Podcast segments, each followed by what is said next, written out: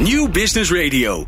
Let's Talk Business. Met nu People Power met Glen van der Burg. People Power is een programma over de kracht van mensen in organisaties. Met interviews en laatste inzichten voor betere prestaties en gelukkige mensen. Deze week gaat Glen van der Burg in gesprek met. Organisatieadviseur Jacqueline Hospers geeft een voorproefje van haar aanstaande boek dat nog niet uit is dus. Liefdevol leiding geven. Corporate antropoloog Jitske Kramer vertelt waarom juist in deze crisistijden inclusie van levensbelang is. En Jeroen Buescher verzorgt de column. En ja, zoals altijd bij Jeroen heb ik geen idee waar het over gaat. Maar uh, wordt het wel fantastisch. Wil je nou de nieuwste afleveringen van People Power via WhatsApp? Sla ons nummer dan op onder je contactpersonen 0645667548. En ging dat te snel, dan kun je dat natuurlijk altijd vinden op onze web, website peoplepower.radio. Als je ons een berichtje stuurt met je naam en podcast aan, dan sturen we de nieuwste afleveringen direct zodra ze online staan. En wat zeker in deze uh, rare tijden, uh, waarbij we nog wel eens uh, wat ruimte hebben in de programmering, kun je ons dan ook jouw vraagstuk sturen. Dus doe dat ook zeker. Waar wil jij bij geholpen worden? Wij zoeken dan in ons toch best wel niet onaanzienlijke netwerk van experts en vakgenoten van jou naar mensen die met een mooi advies kunnen komen. En dat helemaal gratis natuurlijk. Ik vind het in ieder geval bijzonder fijn dat je luistert naar deze aflevering van People Power. People Power met Glen van den Burg. Ja, onze eerste gast, uh, daar moet ik heel eerlijk over zijn, die, die is eigenlijk helemaal niet. En die spreken we ook niet live. Die heb ik namelijk vanochtend uh, voor dit programma uh, opgenomen vanuit huis. Jitske Kramer, uh, corporate antropoloog, uh, schrijver van een heleboel boeken, waaronder het ongetwijfeld bekende boek Corporate Tribe, wat ze samen met Danielle Brown schreef. Ze is eerder in de um, aflevering uh, geweest People Power Change met Jeroen Buescher, om te vertellen over hoe zij aankijkt tegen verandering van zichzelf en van, organisaties. En um, ik spreek met haar over inclusie. Laten we even gezellig naar haar gaan luisteren. Naast People Power maak ik ook podcasts voor anderen, bijvoorbeeld voor MVO Nederland. En dan kom je ook weer in contact met hele leuke mensen. En zo had ik een voorgesprek met Jitske Kramer over inclusie. Omdat we een aflevering over inclusie zouden maken voor de MVO Nederland podcast. En toen zei ik tegen haar, ja, inclusie, ik bedoel, we zitten nu met corona. Iedereen heeft wel even wat anders aan zijn hoofd. En toen zei Jitske tegen mij, nou, dat denk ik niet. Want als er iets belangrijker nu is nu, dan is het wel inclusie. En zo hadden wij het onderwerp van ons gesprek te pakken. Want uh, ik, uh, ik zit met haar uh, online. Want dat moet tegenwoordig natuurlijk. Met Jitske Kramer. En we gaan het hebben over inclusie. Jitske, wat leuk dat je er bent. Ja, heel leuk. En ja, jij in je eigen werkkamer en ik ook in mijn eigen werkkamer. Klopt. Op afstand en toch dichtbij. Um, ja, ja ik, ik, ik ging er een beetje van uit dat inclusie iets was voor tijden dat je de tijd hebt om daar rustig over na te denken. En niet voor zo'n ja, toch crisissituatie waarbij iedereen uh, uh, of heel hard moet rennen of uh, heel veel dingen moet veranderen omdat alles anders moet. Maar jij kijkt daar totaal anders tegenaan. Waarom is inclusie juist nu belangrijk? Nou, inclusie gaat in wezen over hoe je, de, hoe je omgaat met de mix van allerlei verschillende inzichten, perspectieven, achtergronden, ideeën, wensen en dromen. En dat doe je op een inclusieve manier. Dat wil zeggen dat je naar alle verschillen luistert en zo ja, het, het meest hoogst haalbare uh, besluit neemt wat er in de context te nemen is. En daarmee is inclusie niet een luxe ding, maar is ja, een manier om alle invalshoeken goed te benutten. En ik denk dat dat juist nu nodig is. En waarom is het juist nu nodig? Nou, er gebeurt nogal veel verschillende dingen. Dus het leven gaat niet zoals het normaal gaat. En dat betekent dat er allerlei verschillende perspectieven op zijn. En dat gaat van emoties tot, tot wensen, tot wat we nodig hebben, tot basis waarop we beslissingen nemen.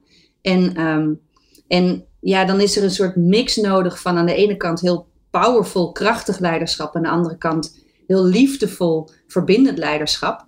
En de balans daartussen is natuurlijk belangrijk. Dus in de eerste klap van een crisis moet je daadkrachtig handelen. Laat dat helder zijn. Ja. Maar wil je besluiten nemen, ja, die, die, waarvan wat elke keer zo mooi gezegd wordt, 50% van de kennis en 100% de besluit nemen. Inclusief betekent dat je die mate van die 50% zo groot mogelijk houdt. Dus dat je alle verschillende beelden ter plekke hebt en op basis daarvan een besluit neemt. En dat dus eigenlijk zo inclusief mogelijk doet, zodat iedereen zich gehoord voelt in het besluit. En ja, natuurlijk heb je in een crisissituatie soms momenten waarop dat niet kan en dan moet je gewoon snel handelen. Maar zodra dat wel kan en je daar met elkaar gesprek over kan hebben, um, wat voor op heel veel plekken, op heel veel, uh, in heel veel organisaties nu is, ja, dan, dan helpt het op het moment dat je dat inclusief doet. Ja, ik zit bijvoorbeeld te denken aan, want ik zie dat beeld vormen van uh, er is een crisis. Uh, nou, daar zitten we nu middenin. En dan misschien luister je dit en denk je, ja, we zaten er middenin. Dat hoop ik eigenlijk dat, je dat, heel snel, dat we dat heel snel denken met z'n allen. Um, ja, dan is daadkracht natuurlijk in het begin heel erg nodig. Maar ik kan me bijvoorbeeld nu ook voorstellen dat je als organisatie ook de overweging moet maken. Goh, ja, onze omzet zakt weg of valt weg of is, is drastisch verminderd. Wat gaan we nu doen? Hè? Gaan we mensen, uh, gaan we onze flexibele schil loslaten? En wat nu bij, bij KLM uh, uh, gaande is. Of doen we dat niet? Zijn er andere mogelijkheden? Zijn dat dan de momenten dat je juist die inclusie nodig hebt om, om ja, de verschillende perspectieven daar ruimte in te bieden? Ja, absoluut. Inclusief leiderschap gaat over de grens. En dat gaat over de grens van gemak en ongemak, van weten en niet weten, van, uh, van keuzes maken. En, uh, en dat is dus juist nu nodig. En, en elke keuze die je nu maakt, ja, die heeft impact op het nu, maar die heeft ook impact op de toekomst. Dus zeker de strategische momenten waarop je met elkaar gaat kijken, wat gaan we met deze ingewikkelde situatie doen, roep ik altijd op. Ik noem dat, dat het kampvuurgesprekken. Um, dus gesprekken waarin, en dat is ook inclusie, waarin je bereid bent oprecht te luisteren naar de ander. Je bereid bent geraakt te worden door wat de ander zegt. En je bereid bent je mening bij te stellen.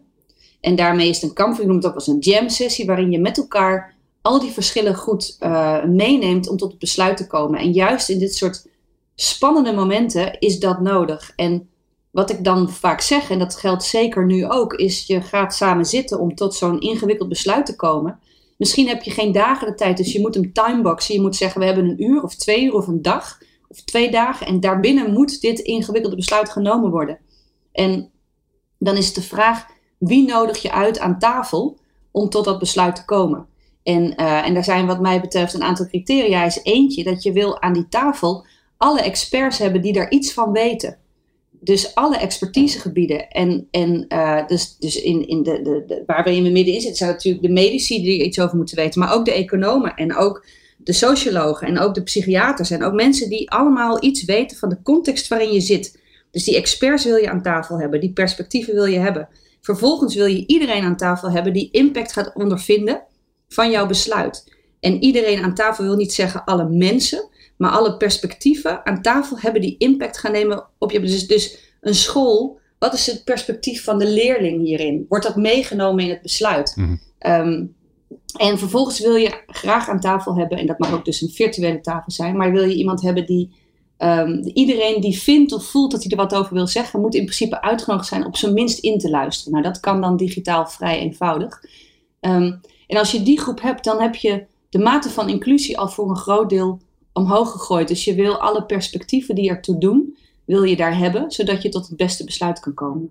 Hey, neem ons eens mee, hè? want ik vond het wel mooi dat je dat zegt. Hè? Je moet dat timeboxen, dus je moet gewoon zeggen, joh, zoveel tijd hebben we, dat is waar we het mee moeten doen. En aan het eind van die, van die tijd neemt iemand een beslissing.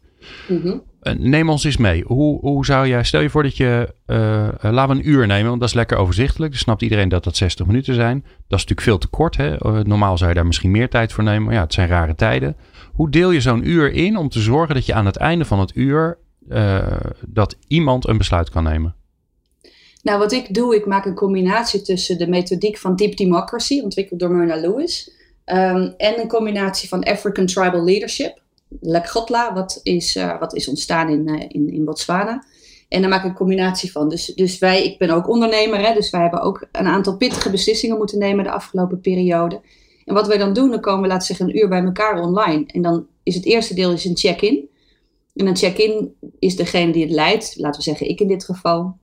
Die zegt van, nou ja, ik start met de vraag die nu het meest pittigste is. Dus ja, waar lig je wakker van als je kijkt naar vraagstuk X, weet je. Dus je, je, je start met, en dan zeg je, we hebben niet zo heel lang de tijd, want binnen een uur moeten we het besluit hebben genomen, want er is crisis. Dus, um, uh, nou ja, zeg wat je te zeggen hebt, cut the crap en, en check echt in op daar waar het voor jou over gaat. Dus, dus wat moet er echt gebeuren? Wat zet steek? Wat is het probleem? En dat timeboxen, dus heb je per persoon één of twee minuten. Ja. Um, en dan vat ik dat samen en dan zie ik waar het allemaal over gaat. Uh, en dan zeg ik, nou ja, na aanleiding hiervan iemand nog iets te zeggen of te reageren. Nou, dit is de techniek van het check-in van Deep Democracy. Dan heb je al eigenlijk heel goed in beeld waar iedereen zit. Dus wat de problemen zijn waar mensen mee zitten. En vervolgens pak leiding en zeg je, nou, als we kijken naar dit vraagstuk, dit ligt voor. Maar even, even terug, Jitske. Ja. Die check-in, iedereen krijgt zijn tijd, vertelt, zijn, uh, vertelt waar hij mee zit. Maar er is geen discussie, hoor ik je zeggen. Nee, dus de, de structuur van een check-in is zo dat je, uh, je, je start met een vraag. Een spannende vraag, dat doet het vaak het beste. De vraag waarvan iedereen bang is dat die gesteld wordt, die stel je juist nu. En dan start je zelf. Dus degene die het begeleidt, die, die, die start zelf. En dat, daarmee geef je ruimte. Dus als ik een vraag zeg van, nou ja, eh, bij ons, bij ons het geval, moeten we de trainingen uh, voor de komende maanden wel of niet nu al cancelen? Dat is een hele reële vraag waar wij in zitten. Ja. En, en uh, waar lig je dan wakker van? En dan start ik waarvan ik wakker lig. En wat, wat mijn angst daarop is, of wat, hoe ik daar tegenaan kijk. En dan is de floor aan de andere. Dan noemen we dat een sharing en dumping. Dus je deelt en je hebt geen gesprek. Dat is gek genoeg online veel makkelijker, want je mute gewoon iedereen. En degene die wil, die steekt zijn hand op. Die doet zelf zijn microfoon open. Die zegt wat hij wil zeggen, doet hem weer dicht en de volgende gaat. Dat doen wij ook als we live bij elkaar zitten. Dat is gewoon check-in gaat. Maar online gebeurt dat. Vervolgens pakt de facilitator hem weer op. En die vat samen. Dus die vat samen wat we allemaal gezegd hebben. Niet wie wat gezegd heeft, maar dat wat er gezegd is. Waardoor je eigenlijk de samenvatting hebt van de emoties, van de vragen die er liggen, van de, de, dingen die belangrijk zijn. Dus we hebben dit gehoord, dat gehoord, zus gehoord, zo gehoord. Oké, dit is waar we zijn. Een soort rijdende rechtermoment. Dit is het. Ja. En hoe moeten we vanaf hier verder? En dan wat ik dan doe in zo'n sessie, zeg nou ja, en dan is dit de vraag die voor ligt, waar ik uh, input op wil hebben. Okay. Dus ik heb, uh, gaan we wel of niet, uh, weet ik veel, in juni de trainingen cancelen of niet? Dat is een, een vraag die bij ons zeer binnenkort op tafel komt. Um, en dan zeg ik, nou ja, dit is de vraag. En dan zeg ik wederom, dit is mijn idee. En hier gebruik ik een beetje de structuur van een Lekgotla. Dat is een Afrikaanse volksraadpleging in, ontstaan in Botswana. Waarbij de chief, de leidinggevende, een probleem neerlegt. En dan eigenlijk zegt, zijn er nog verduidelijkende vragen? Heeft iemand nog een vraag om te snappen waar dit probleem over gaat? En ook daar weer online gebruiken we hetzelfde soort sharing en dumping principe. Je steekt je hand op dan stel je de vraag, ik antwoord, et cetera. En dan op een gegeven moment is voor iedereen de vraag helder? Nou, dan, dan hebben wij de gewoonte niet dat de microfoons open gaan, maar iedereen zijn hand opsteekt. Nou, dan is het voor iedereen helder of iemand heeft nog een vraag. En dan gaan we naar de volgende fase. Ik zeg, nou, dan wil ik nu heel graag alle verschillende perspectieven horen. Wat vinden jullie dat ik moet doen? Dus wie heeft daar ideeën over? En zeg even vanuit welk perspectief je dat zegt. Dus wat je dan doet, is dat iemand zegt van, uh, want ik zit daar dan bijvoorbeeld met mijn collega's. Dus het klantperspectief of locatieperspectief zit fysiek niet in onze vergaderruimte. Mhm. Maar iemand kan wel zeggen, als ik dit zie vanuit een deelnemer die hier weken naartoe heeft geleefd, dan. Of als ik dit zie vanuit de locatie, dan zou ik zeggen zus. Of als ik Mhm. spreek vanuit een grote organisatie waar een bepaald beleid is, dan zeg ik nu zo. Dus wij zeggen, wij halen echt alle perspectieven op. Dus mijn processturing zit op, zijn er nog dingen niet gezegd? Hebben we nog een perspectief wat nog mist? Heeft nog iemand een heel ander idee? En, En met die een- perspectieven kleur je eigenlijk datgene wat je zegt. Want het maakt natuurlijk uit of je zegt, ja, maar eh, weet je, eh, ik vind het toch belangrijk om het door te laten gaan, want. Maar dan maakt het heel erg uit om de, of, je, of je daaraan toevoegt. Ik doe dit vanuit het deelnemerperspectief of ik doe dit vanuit, hè, want ja, ik kan me ook bij jullie heel goed voorstellen dat er een totaal ander beeld is of je nou werkt voor een hele grote organisatie eh, of iemand heeft eh, eh, vanuit zijn eigen geld gespaard om deel te kunnen nemen uit je, aan jullie bijeenkomst. Dat maakt natuurlijk heel veel uit. Dat maakt heel veel uit. En door het op deze manier te doen, de kracht daarvan is. En het mooie is in, in Zuidelijk Afrika en Botswana, waar ik dit heb gezien in dorpen, niet online, hè, maar gewoon in een dorp. ehm, dan daar is de gewoonte om dat sowieso al te doen. Dus dat je zegt vanuit welk perspectief je praat. Dat is een cultureel Hm. fenomeen. En ik, mijn ervaring is hier, op het moment dat we dat doen, wij gebruiken het heel veel in organisaties, ook live, is dat je kunt jezelf tegenspreken. Want als we kijken naar het voorbeeld die training wel of niet door laten gaan, dan kan ik zeggen vanuit mijn eigen ondernemerschap, nou ik hoop wel dat het doorgaat, want mijn omzet is toch behoorlijk gekelderd, dus ik wil er alles aan doen om het door te laten gaan. En tegelijkertijd kan je zeggen, maar vanuit het perspectief van deelnemer zou ik nu eigenlijk bijvoorbeeld wel heel fijn vinden om nu al te weten, wel of niet. Dus laten we het besluit naar voren trekken. Dus ik kan mijzelf tegenspreken al vanuit die verschillende perspectieven. Je hebt Ja. nooit maar één standpunt. En door dat zo te doen en dat online zo te doen, komt er heel veel rust in het gesprek. Heb je dus, dat is dus inclusief leiderschap. Je hebt al die perspectieven. Je hebt niet meteen een debat dat iemand zegt, ah, dat vind ik niet. Nee, je hoort gewoon, dus het is ook een soort sharing en dumping. Zeker omdat het online anders gewoon niet gaat. En daar, dus zit, daar zit die discussie dus ook niet in. Nee, eigenlijk zit het erin omdat je allemaal hoor je die perspectieven. En het enige wat je nog kan doen, en we doen dat live nog wel eens, dat mensen een soort van. Zeker, we doen dit soms met 500 man tegelijk. Hè? Dus dan, dan live, dan kunnen mensen een soort van applaus of de, de, de, iets bijzetten als je een perspectief hoort die je ook vindt, zeg mhm. maar. En wat wij nog wel eens doen in dit uh, fenomeen is, omdat we dan allemaal op mute staan, gebruiken we um, uh, hoe, um, hoe, mensen, hoe doven uh, applaus geven. Dus je handen oh, ja. zo. Ja.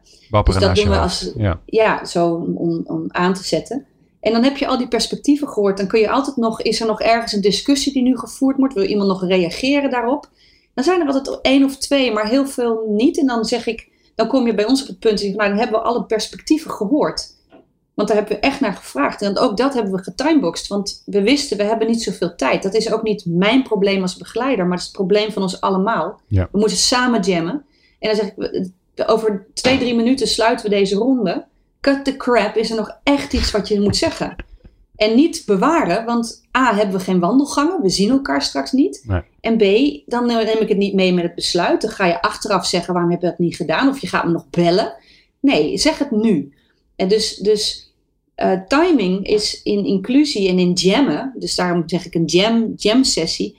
Je moet het wel nu zeggen, want dit is het moment en dan gaat er een besluit komen. En dan komt altijd de vraag, is die besluitvorming, is dat een autocratisch besluit? Dus heb ik als leider in dit verband um, de volledige vrijheid van de groep, dat ik op basis van alles wat er gezegd is, het besluit neem? Of hebben we een thema te pakken waarop wij diep democratisch met elkaar moeten besluiten, dat we het echt allemaal eens zijn? En, um, en dat laatste kan ook. Dan doen we een diep democratisch besluitvormingsproces. Dat voert wat ver, denk ik, om dat nu helemaal uit te leggen. Maar het autocratisch is, dan heb ik al die perspectieven gehoord. Mijn team is er ook. Zei, nou ja, al dan niet over even vijf minuten pauze. Of ik denk er even over na. Of als dat kan een dag. Maar als het snel moet, je hebt het in ieder geval even nodig. Um, en dan kom ik terug en dan deel ik mijn besluit. En dan is eigenlijk het enige nog, wat hebben jullie nodig om hierin mee te gaan? Ja. En op het moment dat uh, uh, het gedragen besluit is, ik ga natuurlijk goed luisteren naar wat iedereen graag wil. En dat neem ik mee in mijn besluit.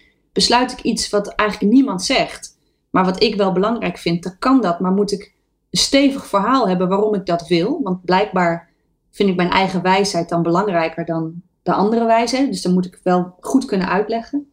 En dan is het eigenlijk, wat hebben jullie nodig? En als hier gedoe op ontstaat, dan over het algemeen gaat dat ook over uh, vertrouwen we de leider. Dus, dus geven we iemand zijn leiderschap op dit vraagstuk.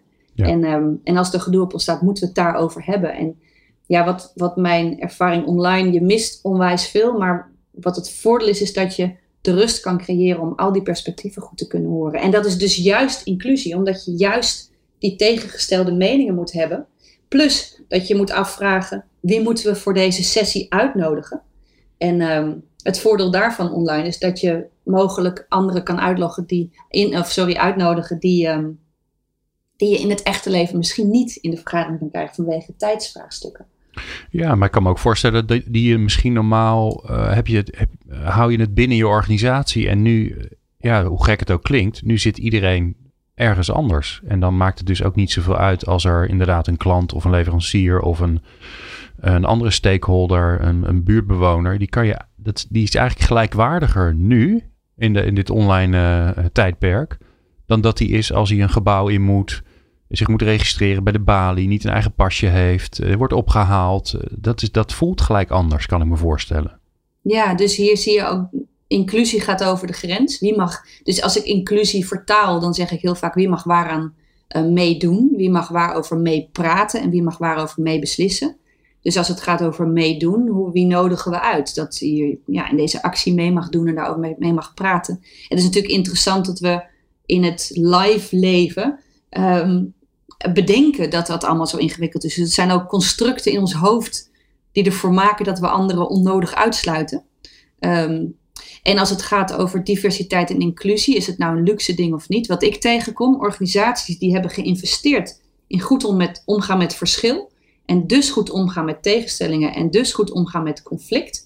en daarmee flexibel op de veranderingen ingaan en routines doorbreken, die gaan nu sneller. Mhm. Dus uh, de business case, wel of niet iets met diversiteit en inclusie doen, ja, als je dat heel goed kan, dus dan, dan ben je flexibeler en wendbaarder om de morens ter discussie te stellen, om emoties te bespreken, om te snappen hoe de macht en ranking zit, om, om juist routines anders aan te vliegen. En ja, daarom ja, juist nu investeren om al die perspectieven te horen en ook de emoties die daarbij horen.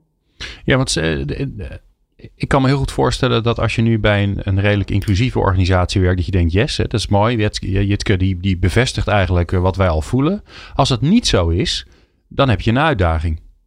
Dan heb je grote uitdagingen en dan zul je denk ik zien. Maar goed, ik, wie weet kan ik daar nog wat onderzoek naar doen. Maar dan is dit jammen, zoals ik het net beschreef, het met elkaar gaan kijken en, en door de macht en de ranking heen en, en andere routines aanspreken is gewoon lastiger. En, ehm, en die, ik denk dat die het wat zwaarder zullen hebben nu. Ja, ook omdat ze de, het ritueel, maar ook de, de hoe moet ik dat zeggen? Ehm, de vaardigheid een beetje missen. Want eh, wat, ik, wat het klinkt heel uh, gestructureerd, hè, wat, je, wat je aanbiedt eigenlijk in dat uur. Mhm. Maar dat, dat zorgt er ook wel voor dat iedereen wel de, de discipline moet hebben om inderdaad echt te delen wat ze voelen. Eh, bij die check-in. En om echt uh, die perspectieven te kiezen. En, en niet, wat ik toch zelf altijd meemaak mee als ik in wat voor bijeenkomst dan ook zit. Mensen toch heel erg de neiging te hebben om in discussie te gaan. Dus een soort default bijna. Ja, en een discussie is goed, maar een dialoog is soms nog beter. En uh, een dialoog is dus, en dat is, ja, online is natuurlijk een, een beetje gemankeerd, maar een dialoog is oprecht willen luisteren, geraakt willen worden en je mening bij willen stellen. Ehm, ja, dat is, dat is een groot goed. Ik heb net hiervoor heb ik een call met een, een klant gehad over uh, een, um, het herzien van een, um, een overeenkomst waar we al sinds 2012 mee werken. Dus het wordt gewoon tijd voor een update. En wat daar zo mooi is, als je gaat jammen, dan ga je dus voor elkaar denken. Hm. Nou, volgens mij is dit handig. Nee, dat is voor jou helemaal niet handig. En dat is hoe ik wel met klanten werk. Dus diver, of, uh, inclusie is independently together, is onafhankelijk samen. Dus ik wil dat het zo goed mogelijk is voor jou en jij wil dat het zo goed mogelijk is voor mij. En als we dat realiseren, dan hebben we de beste samenwerking ooit. En, en wat ik daarvoor gebruik, ik noem dat een jam circle, die heb ik beschreven in mijn boek Jam Cultures, waarin het is eigenlijk heel simpel. Dat heeft vier fases, vier stappen, met elk zijn eigen aandachtspunten en vaardigheden. Maar de eerste is leef het leven. Lekker genieten van alles wat er is. En dan komt er iets voorbij wat anders is. Dat kan een andere mening zijn van een collega of dat kan een coronavirus zijn waardoor alles op de schop gaat. Maar het eerste wat er gebeurt bij het ervaren van iets anders zijn reflexreacties. Het zijn emoties. Van leuk tot niet leuk, tot frustratie, tot angst en woede. Maar dus de volgende fase is openstellen. Dus het openstellen naar die verschillende emoties. Om vanuit daar naar verwondering en verbazing te komen. En vervolgens kunnen exploreren wat alle verschillende invalshoeken zijn. Dus Leef het leven, openstellen, exploreren. Wat ik net beschreef, is exploreren in dat uur. Maar daar zit het stukje openstellen bij door die check-in. En als je dit dus heel makkelijk kan, als je dit al vaker geoefend hebt, dan, dan is dit dus nu makkelijker. En op het moment dat je gaat exploreren en je hebt al die verschillende perspectieven op tafel, die ga je doorvoelen, dan ga je naar de volgende fase creëren. En dan creëer je manieren om om te gaan, besluiten te nemen, waarin je de verschillende verlangens en, en belangen verenigt. En dan maak je een afspraak en dan ga je vervolgens doen wat je afspreekt. In het creëren creëer je niet per se iets voor het leven, maar wel iets voor nu. Dus je hebt heel veel tijdelijke werkafspraken, zeker in een situatie waarin we zitten, waarin het het ondertussen is, waarin we niet weten hoe lang dit gaat duren, wanneer het klaar is. Dus je kunt nu niet ja, afspraken maken waarvan we zeker weten dat we daar jaren mee werken. We gaan gewoon kijken wat nu nodig is, want misschien is het morgen weer anders. Dus deze cirkel van het leven, leven, openstellen, exploreren, creëren, die heeft allemaal kleine loopjes. Elke dag op allerlei verschillende thema's en grote loopen als je kijkt naar je businessmodel. Bijvoorbeeld voor veel ondernemers op dit moment. Dus hoe gaan we dit doen? En hoe gaan we het tijdelijk oplossen? Hoe gaan we het op termijn oplossen? Is het een crisis of is het een transformatie? Dat maakt ook veel uit hoe je leiderschap hierop uh, los gaat laten. Dus voor mij is het, het inclusieve betekent heel alert zijn voor alle perspectieven, van ratio tot emotie, van alle verschillen. En dus weten dat dat kan knetteren af en toe en dat er emoties meespelen. En inclusief leiderschap betekent dat je dat bij elkaar kan binden. Jitske, als mensen nou meer willen weten, en ik, natuurlijk kunnen ze dan jouw boeken kopen, want daar staat natuurlijk alles in hele, hele grootheden in. Maar ik kan me ook voorstellen dat in deze rare crisistijd dat er nieuwe content gemaakt wordt. Waar kunnen mensen naartoe? Ja, we hebben een YouTube-kanaal, Human Dimensions, en natuurlijk de website. En heel specifiek de LinkedIn-pagina van Human Dimensions. Daarop posten we uh, twee keer per week filmpjes vanuit de antropologie, die ik, heb, die ik inspreek over tips en manieren van kijken en praktische handreikingen hoe je mee om kan gaan en andere artikelen. Dus de Human Dimensions uh, LinkedIn-pagina is de plek waarin we in ieder geval zo up-to-date mogelijk elke week um, posten. Oké, nou ik zal in ieder geval in de show notes uh, de link naar de, naar de LinkedIn pagina van Human Dimensions zetten. Volgens mij uh, heb je onze luisteraars uh, geholpen met niet alleen inspiratie, wat altijd handig is om in beweging te komen, maar vooral met ook handelingsperspectief om gewoon het, de volgende vergadering die ze online hebben, eens een keer anders te doen. Om die inclusief te doen. Ik dank jou zeer, Jitske Kramer. Heel graag gedaan en voor iedereen take care in deze lastige tijd. People Power. In een grote leren fauteuil, met een boekenkast vol kennis, mijmert hij over het werkende leven. Hier is Buschers bespiegeling. Het is weer tijd voor mijn grote vriend Jeroen Buscher en die hangt aan de andere kant van de telefoon. Hoi Jeroen. Dag Glenn. Hoi Jeroen. Hoe is het met je? Nou, ik sta nog na te hijgen. Ik heb zo hard op de tafel staan dansen. Dat, uh, ja, het is echt jouw muziek, hè? Dat is, uh, dat is echt helemaal. ja. ja, we gaan nog wel een keer een uurtje gewoon jouw muziek draaien. Gewoon een keer. Een soort, uh, ja, misschien doe je dat al, weet jij veel. Ja, stiekem. hey, um, ja, het is weer tijd voor een nieuwe column. En ik, ik zit een beetje, ik denk dat, dat de columns misschien wel een graadmeter zijn of we al uit het coronatijdperk zijn of niet. Maar tot nu toe uh, volgens mij nog niet. Nou, die, die, uh, ik, denk dat, dat, ik denk niet dat we uit het coronatijdperk zijn, maar dat de tijd van verwarring wel wat begint af te nemen. Dat is dus wat, hoe definieer je per, tijdperk? Ja. ja. ja. Dus ja, ik ben benieuwd. Kom er maar in. Ja, wat is crisis? Want we gaan het toch maar weer over crisis hebben. Crisis is natuurlijk eigenlijk gewoon gecomprimeerde tijd. Uh, er is minder tijd en daardoor is er minder kennis, zijn er minder bronnen voorradig. En toch vraagt, omdat de crisis ook betekent veel veranderingen in korte tijd, uh, vraagt ook beslissingen en vraagt het leiderschap. En ik denk eigenlijk, ik heb zo zitten denken, wat, wat, wat, wat moet je daarmee als professional, als HR-adviseur of als manager? Wat, hoe, hoe weet je nou dat je het goede doet? En ik, en ik, ben ik, ik, ik kom met de volgende gedachte, dat volgens mij het leven altijd de opties biedt om te volgen. Dat is één. Ik doe wat er van mij gevraagd wordt. Ik doe wat er hoort. Ik doe wat we altijd al doen. Ik doe wat anderen zeggen dat ik moet doen. En uh, we hebben de optie tot leiden en te zeggen, nou, ik denk dat ik een besluit neem waarin ik anderen ga proberen te overtuigen juist mijn mening te volgen. Dus ik volg niet de mening van anderen, maar ik bepaal.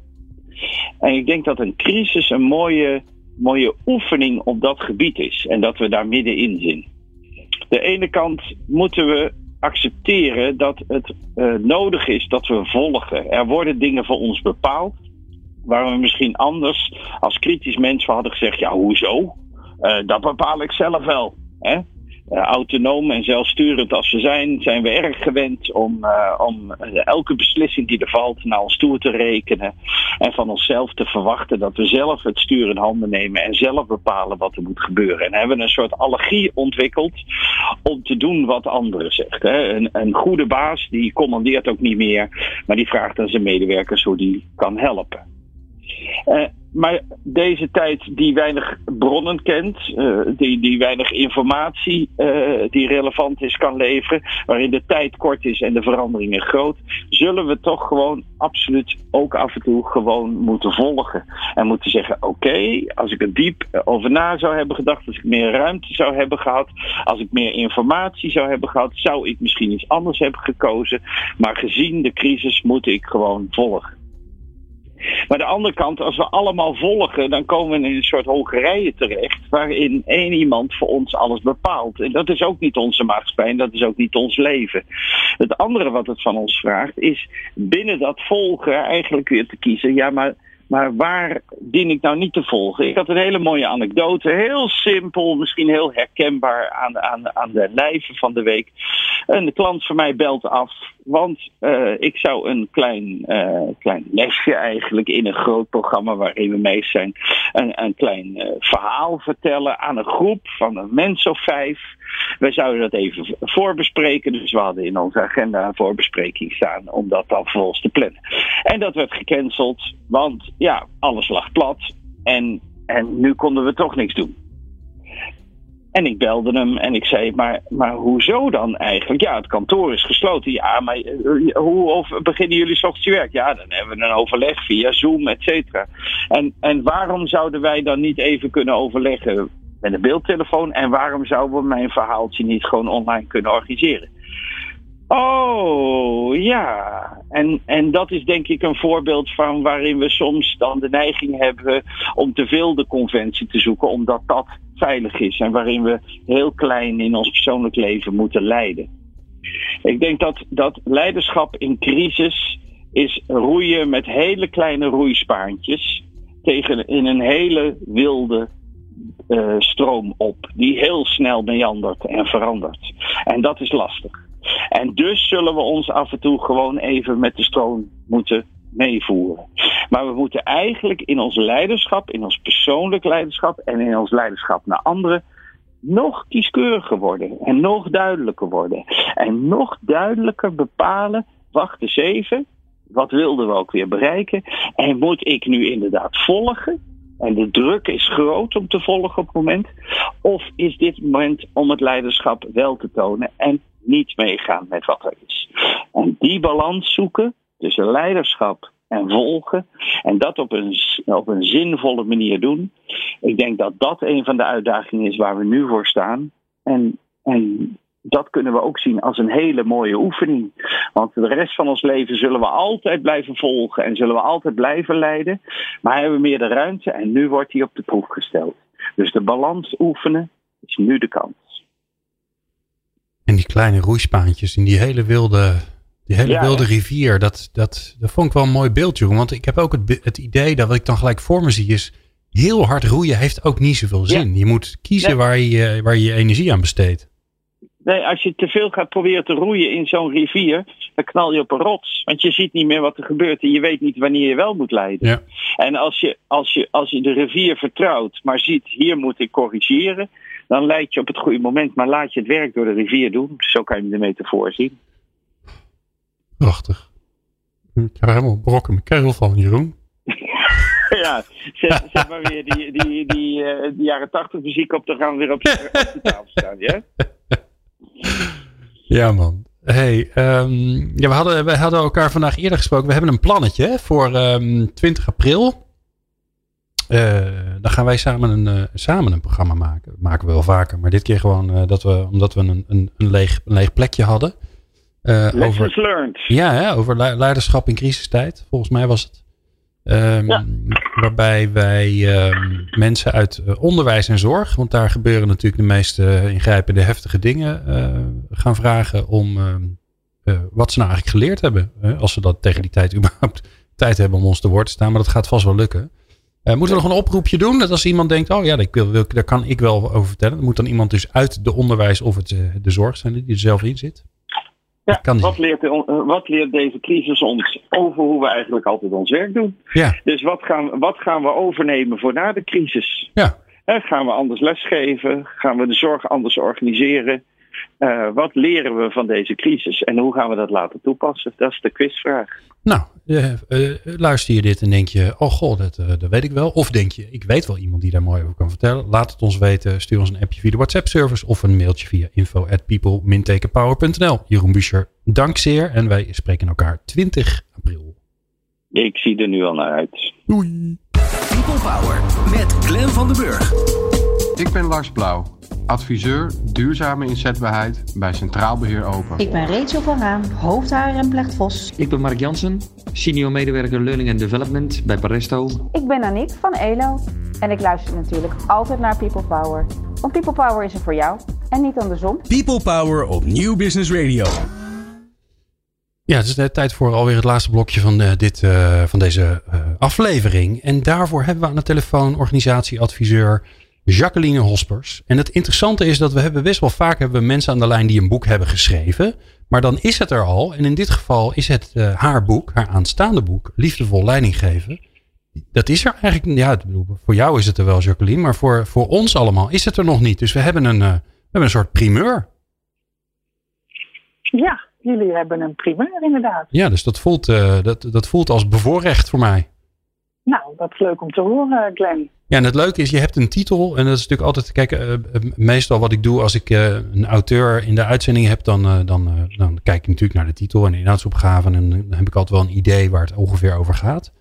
En um, ja, bij deze titel, er moet er een eerste vraag komen. Liefdevol leiding geven. Wat is dat? Wat is dat? Ja, ik vond dat een leuke titel, omdat daar eigenlijk een tegenstelling in zit. En dat is precies waar mijn boek over gaat. Mijn boek gaat over tegenstellingen, omgaan met tegenstellingen.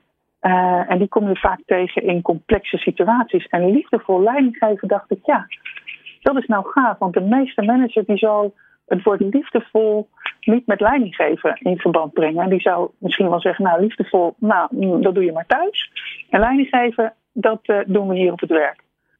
Dus ik vond het een hele leuke combinatie van twee woorden die mogelijkerwijs uh, uh, ja, tegengesteld zijn aan elkaar. Ja, ik denk als je tien jaar, misschien zelfs al vijf jaar geleden tegen iemand in een organisatie had gezegd de woorden liefde überhaupt in de mond had genomen in een organisatie, dan was dat heel raar geweest. Um, ik kan me herinneren dat ik ooit uh, Tex Gunning, die is ondertussen de, de, de baas van Leaseplan, die, die was eigenlijk de eerste die ik het hoorde zeggen. Dat ik dacht van, hm, zegt die man nou, die is baas van een groot bedrijf en die heeft het over liefde.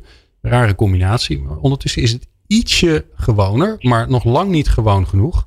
Um, waarom is het zo belangrijk om het over, ja, over liefdevolheid, over liefde uh, in organisaties te praten? Nou, um, dat is enorm belangrijk, omdat als je het vertaalt, liefdevol vertaalt, dan, dan, dan kom je op woorden terecht als aandacht. En waar voor mij liefdevol over gaat, is dat je alles in oogschouw neemt. Dus het lijkt een beetje op wat Jitske net ook zei, hè, over inclusie en exclusie. Maar liefdevol is alles omarmen wat er is. En ook die kant van jezelf of van anderen of wat dan ook maar, die je eigenlijk liever niet wil zien. Want in de combinatie van alles, daar zit de kracht. En wat we vaak doen en wat ik ook heel veel heb gezien bij leidinggevenden, dat is soms bewust of onbewust hoor, dat ze geneigd zijn om eenzijdig te kiezen. En dat ze bijvoorbeeld ook vinden van zichzelf, ja maar ik moet het weten, want ik ben hier de leidinggevende, ik ga erover en dus iedereen kijkt naar mij en ik moet hier het antwoord op geven en we gaan het zo en zo doen. En het risico is dan dat andere perspectieven, andere, de andere kant volledig uit het oog verloren raakt.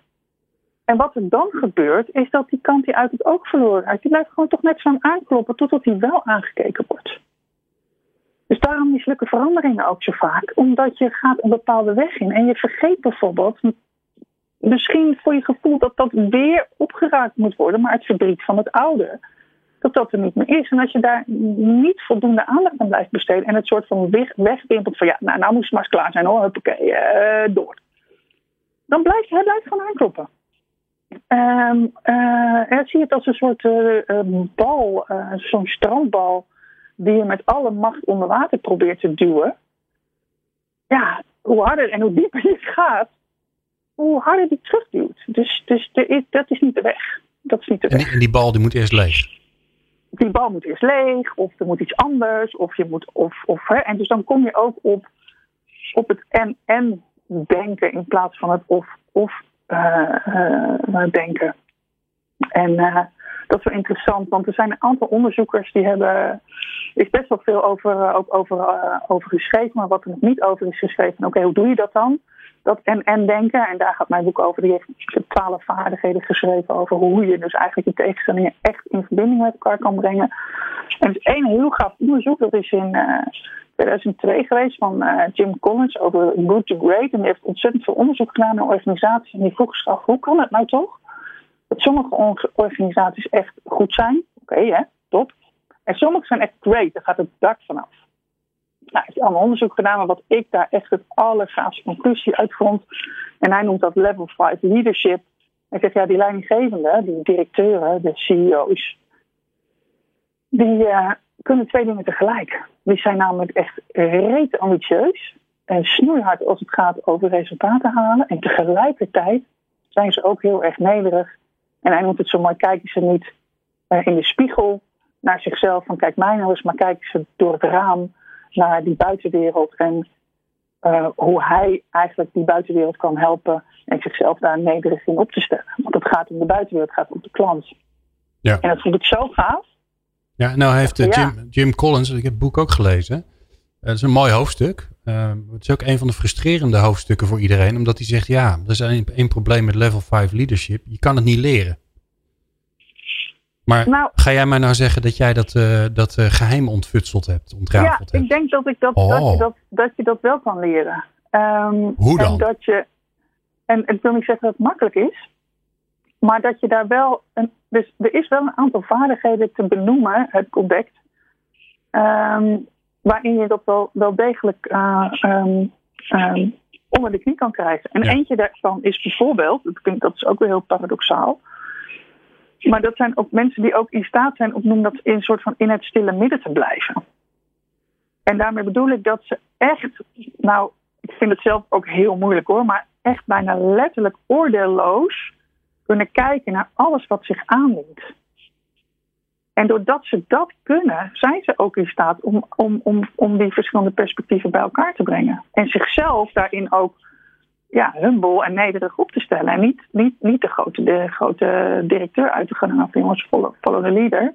Deze kant gaat het op. Nee, die gaat echt kijken van ja jongens, ehm, alles is waar. De enige werkelijkheid die er is, is dat het is zoals het is. En dat snappen zij.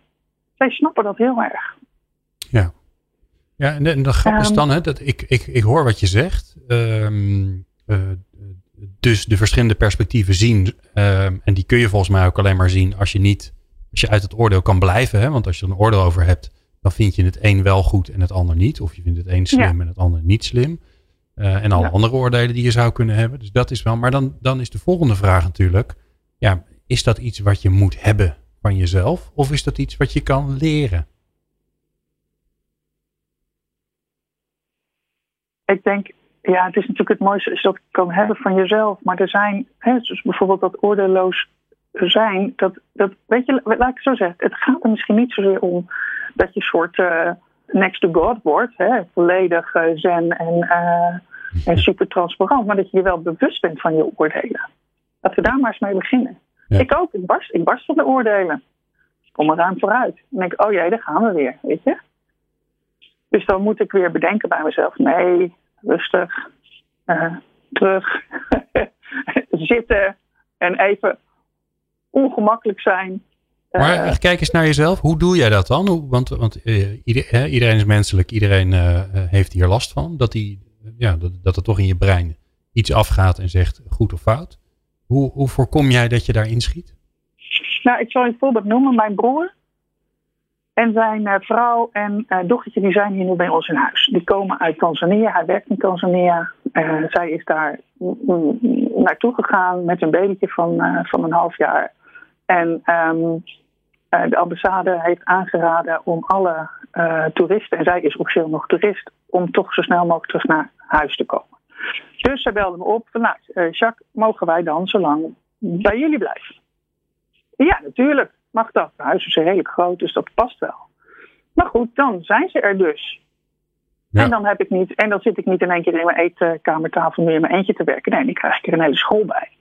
Want hij zit ook te werken en hij moet ook een plekje hebben. En hij geeft nu op afstand les aan zijn kinderen in Tanzania, waarvan ook weer een paar terug naar Nederland zijn gekomen. Nou, heel ingewikkeld.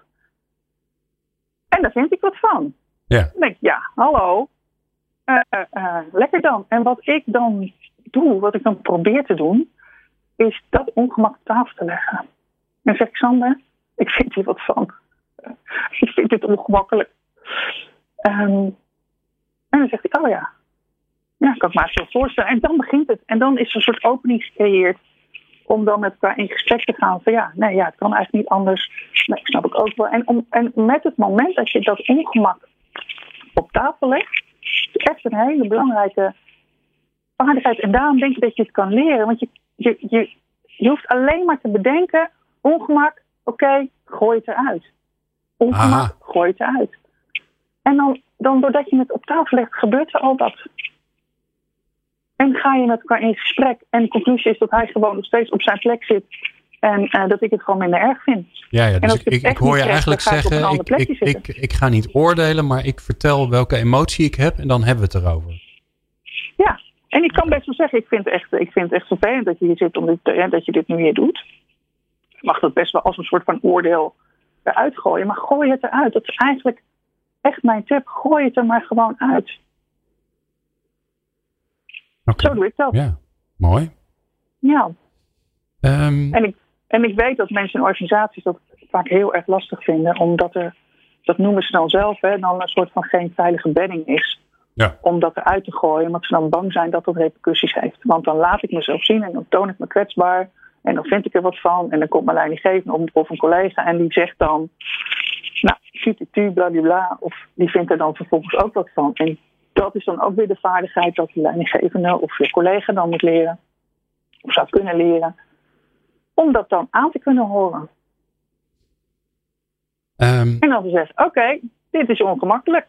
Hier word ik niet blij van. Nee, oké. Nou, ja, en dan moeten we het daar dus over hebben en dan ben je in dialoog, als het goed is. En dan ben je in dialoog. En het gaat ook over, over blijf, maar, blijf nou, probeer nou maar eens te blijven staan in het ongemak. Want als ik aan leidinggevende vraag in mijn workshops, trainingen, overal. Jongens, er is ergens een probleem, een complex probleem. Wat is het eerste wat jullie willen doen? Oplossen! Ja! Er zijn er een paar die zeggen, nou, ik ga eerst eens even op onderzoek uit. Maar nee, de meeste Hey, oplossen. oplossen. En dan, en dan zeg ik, joh, luister, maar het is toch ingewikkeld? Ja, het is ingewikkeld. Dus dat kan je gewoon toch niet zomaar oplossen. Hoe, hoe, hoe, hoe arrogant kunnen we met z'n allen zijn dat we dit, weet je, dat gaat toch niet? Nee, nee, nee, nee, nee, maar ja, wordt wel van me verwacht, want ik ben wel de leidinggevende. Ja, nee, oké, maar kun jij ook blijven zitten en staan en jouw mensen meenemen in dat ongemak? Dat is interessant. En gewoon zeggen, jongens, dit is ongemakkelijk, weet ik niet. En op dat Nog zo eentje, en op dat, het niet- ja, het even wachten, even wachten, Jacqueline. Want op dat ongemakkelijke moment gaan we hem eh, gaan we stoppen. Want eh, we moeten natuurlijk zorgen dat mensen, dat mensen denken: ja, hier kunnen we niet stoppen. Maar dat gaan we toch doen. Eh, A, omdat het uur voorbij is. Maar, maar, maar daarnaast ook omdat we natuurlijk. Ja, jouw boek komt eraan, hè? Dus we moeten niet alles Ja. weggeven. Ehm, Nee, moet niet alles wa- wa- eh, wanneer komt het uit? Hij staat nu op 11 eh, juni. 11 juni. Nou, dat is redelijk dichtbij. Dan mag iedereen weer naar de boekwinkel als het een beetje mee zit. Ja, dat hoop ik. Ik had een groot feest bedacht Ja. op het kennisfestival, maar dat is uitgesteld. Dus ik, ik weet gewoon nu niet, Glenn, hoe, ik weet niet hoe ik, dit, hoe ik dit ga doen. Nou, beetje bij beetje. Vandaag heb je het ook al gedaan, dus dat is mooi. Eh, als, als mensen nou denken, naar aanleiding van deze, eh, van deze aflevering, eh, ik ben daarin geïnteresseerd. Waar kunnen ze heen? Wat kunnen ze doen? Ze kunnen mij volgen op LinkedIn. Ik post elke dag een, een, een link, een, een tip, een gedachte, eh, wat allemaal min of meer te maken heeft met het thema liefde voor leiding geven. Ehm, daar kunnen ze heen. Superleuk om te linken. En ik ben bezig met de website die heet www.liefdevolleidinggeven.nl en daar kun je om te beginnen alvast twee gratis e-books downloaden. En daar ben je hartstikke welkom voor. Oké, nou, super mooi. ik wens jou natuurlijk ongelooflijk veel succes met, jou, ehm, met je boek. Dat ten eerste. En eh, ik dank jou zeer voor jouw bijdrage aan, eh, aan dit programma. Nou, hartstikke graag gedaan. Dankjewel. Mooi. En succes de komende tijd. Dankjewel, Glenn.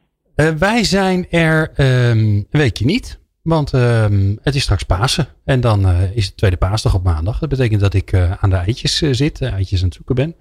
Ehm, de week daarna zijn we er weer wel. Dan hebben we eigenlijk twee afleveringen. Eén, nou hebben we eigenlijk al verteld. Een special samen met Jeroen Buescher. Waarin we gaan kijken naar crisismanagement en de lessen van corona. Wat, wat hebben we nou geleerd wat we eigenlijk veel handiger kunnen doen na corona. En eh, we hebben een aflevering van, in onze reeks eh, over learning and development. En dan komt Jeff Helmink, die komt langs, eh, Global eh, L&D expert van de ING. En Tom Bos van Online Academy. Dus dat allen, alles in de volgende afleveringen van People Power. Ehm, natuurlijk kun je heel veel terugluisteren, want dit was aflevering 320, zie ik in mijn draaiboekje staan. Dus je kan nog 319 andere afleveringen luisteren als dit de eerste voor je was op peoplepower.radio. Ik dank je zeer voor het luisteren. Meepraten of meer programma's? people-power.nl